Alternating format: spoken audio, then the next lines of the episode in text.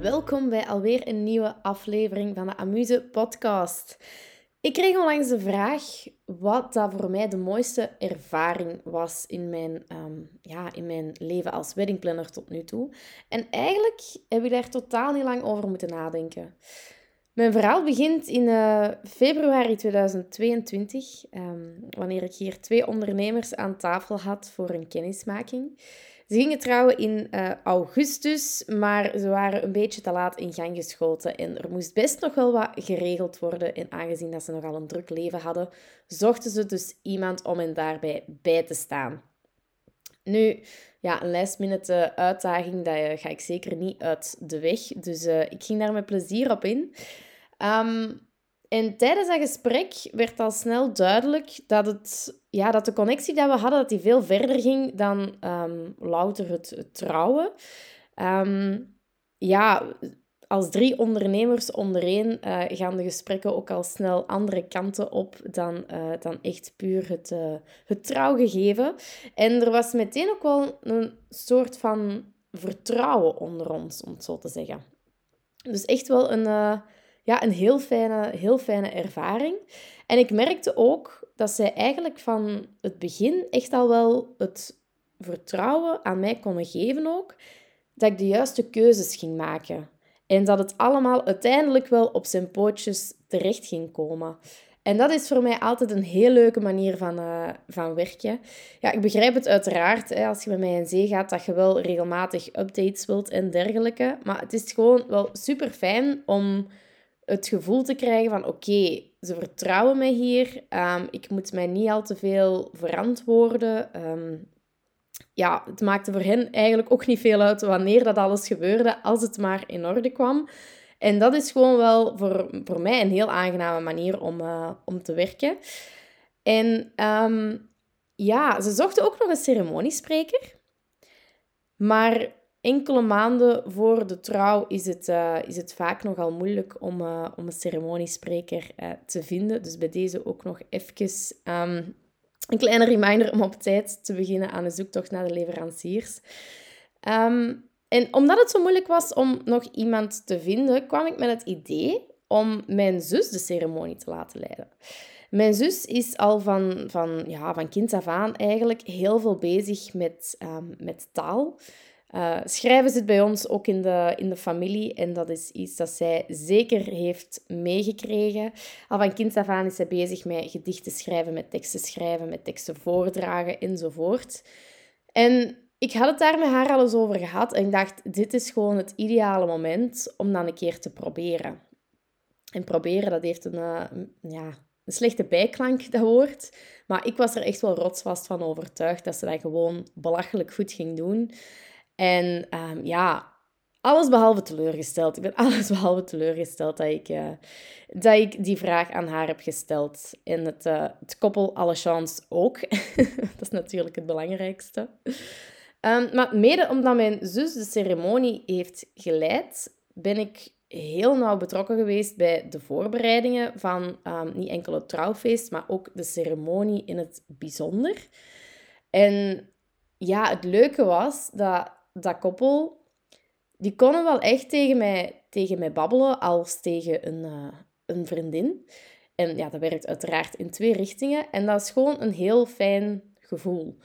Um, ik maak er nooit mijn doel van om mijn klanten, um, om daar vrienden van te maken.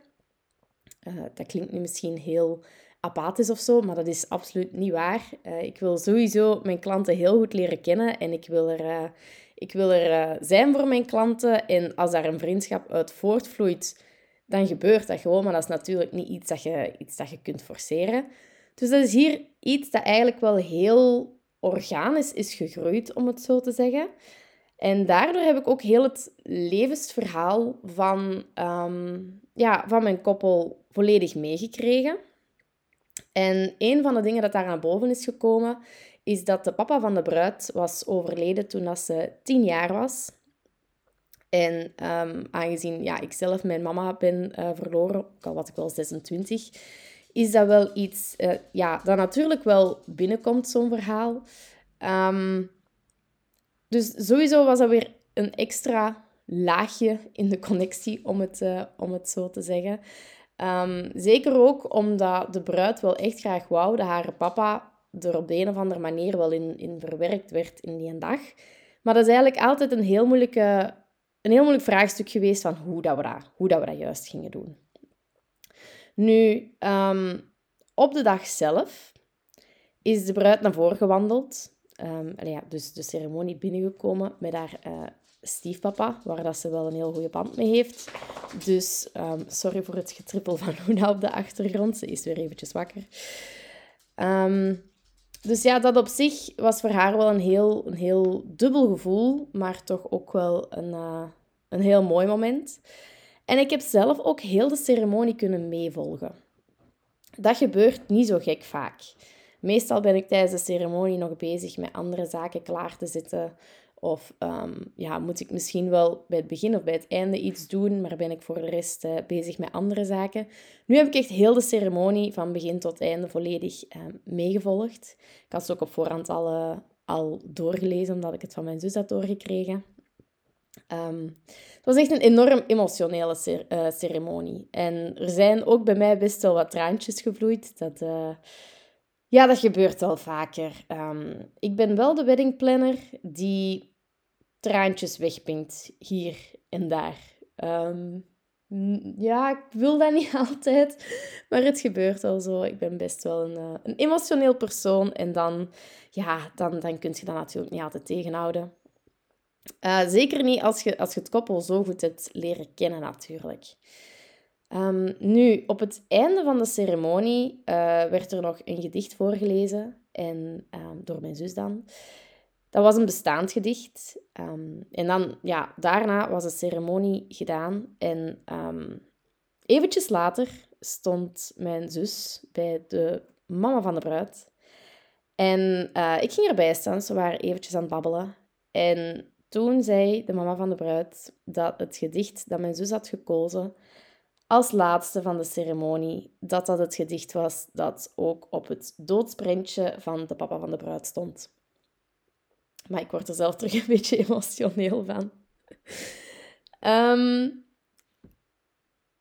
ja, dat is iets dat gewoon echt wel super hard binnenkomt.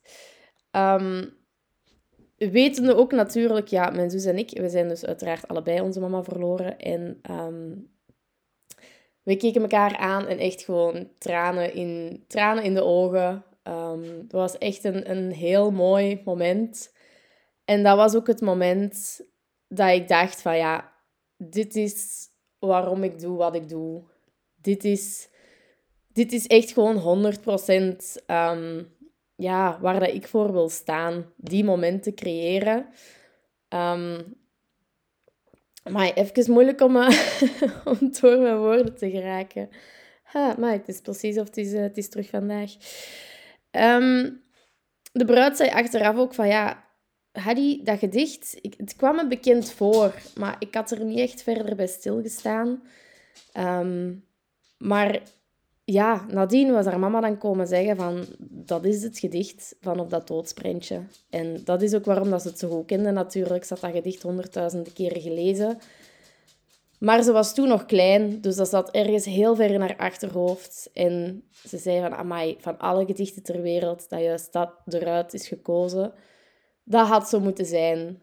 En de bruid zei, hij is erbij vandaag. Hadi. Ik voel het, het goede weer, dat gedicht. Hij heeft mij gewoon al zoveel signalen gestuurd vandaag dat hij erbij is. Um, dit is echt wat ik wou. Ja, dat zijn de momenten die, dat je, die dat je wel bijblijven. Um, bo, ik ga mijn verhaal hier afronden, denk ik. voordat ik hier alles bijeen begin te blijten. Dat was zeker mijn bedoeling niet. Um, dus voilà, ja, echt die momenten creëren. Dat is wat ik wil doen. Dat is wat ik zo graag doe. Um, ja, bedankt om naar dit verhaal te luisteren. En um, je hoort me snel weer in een nieuwe podcast. Amusement en tot de volgende.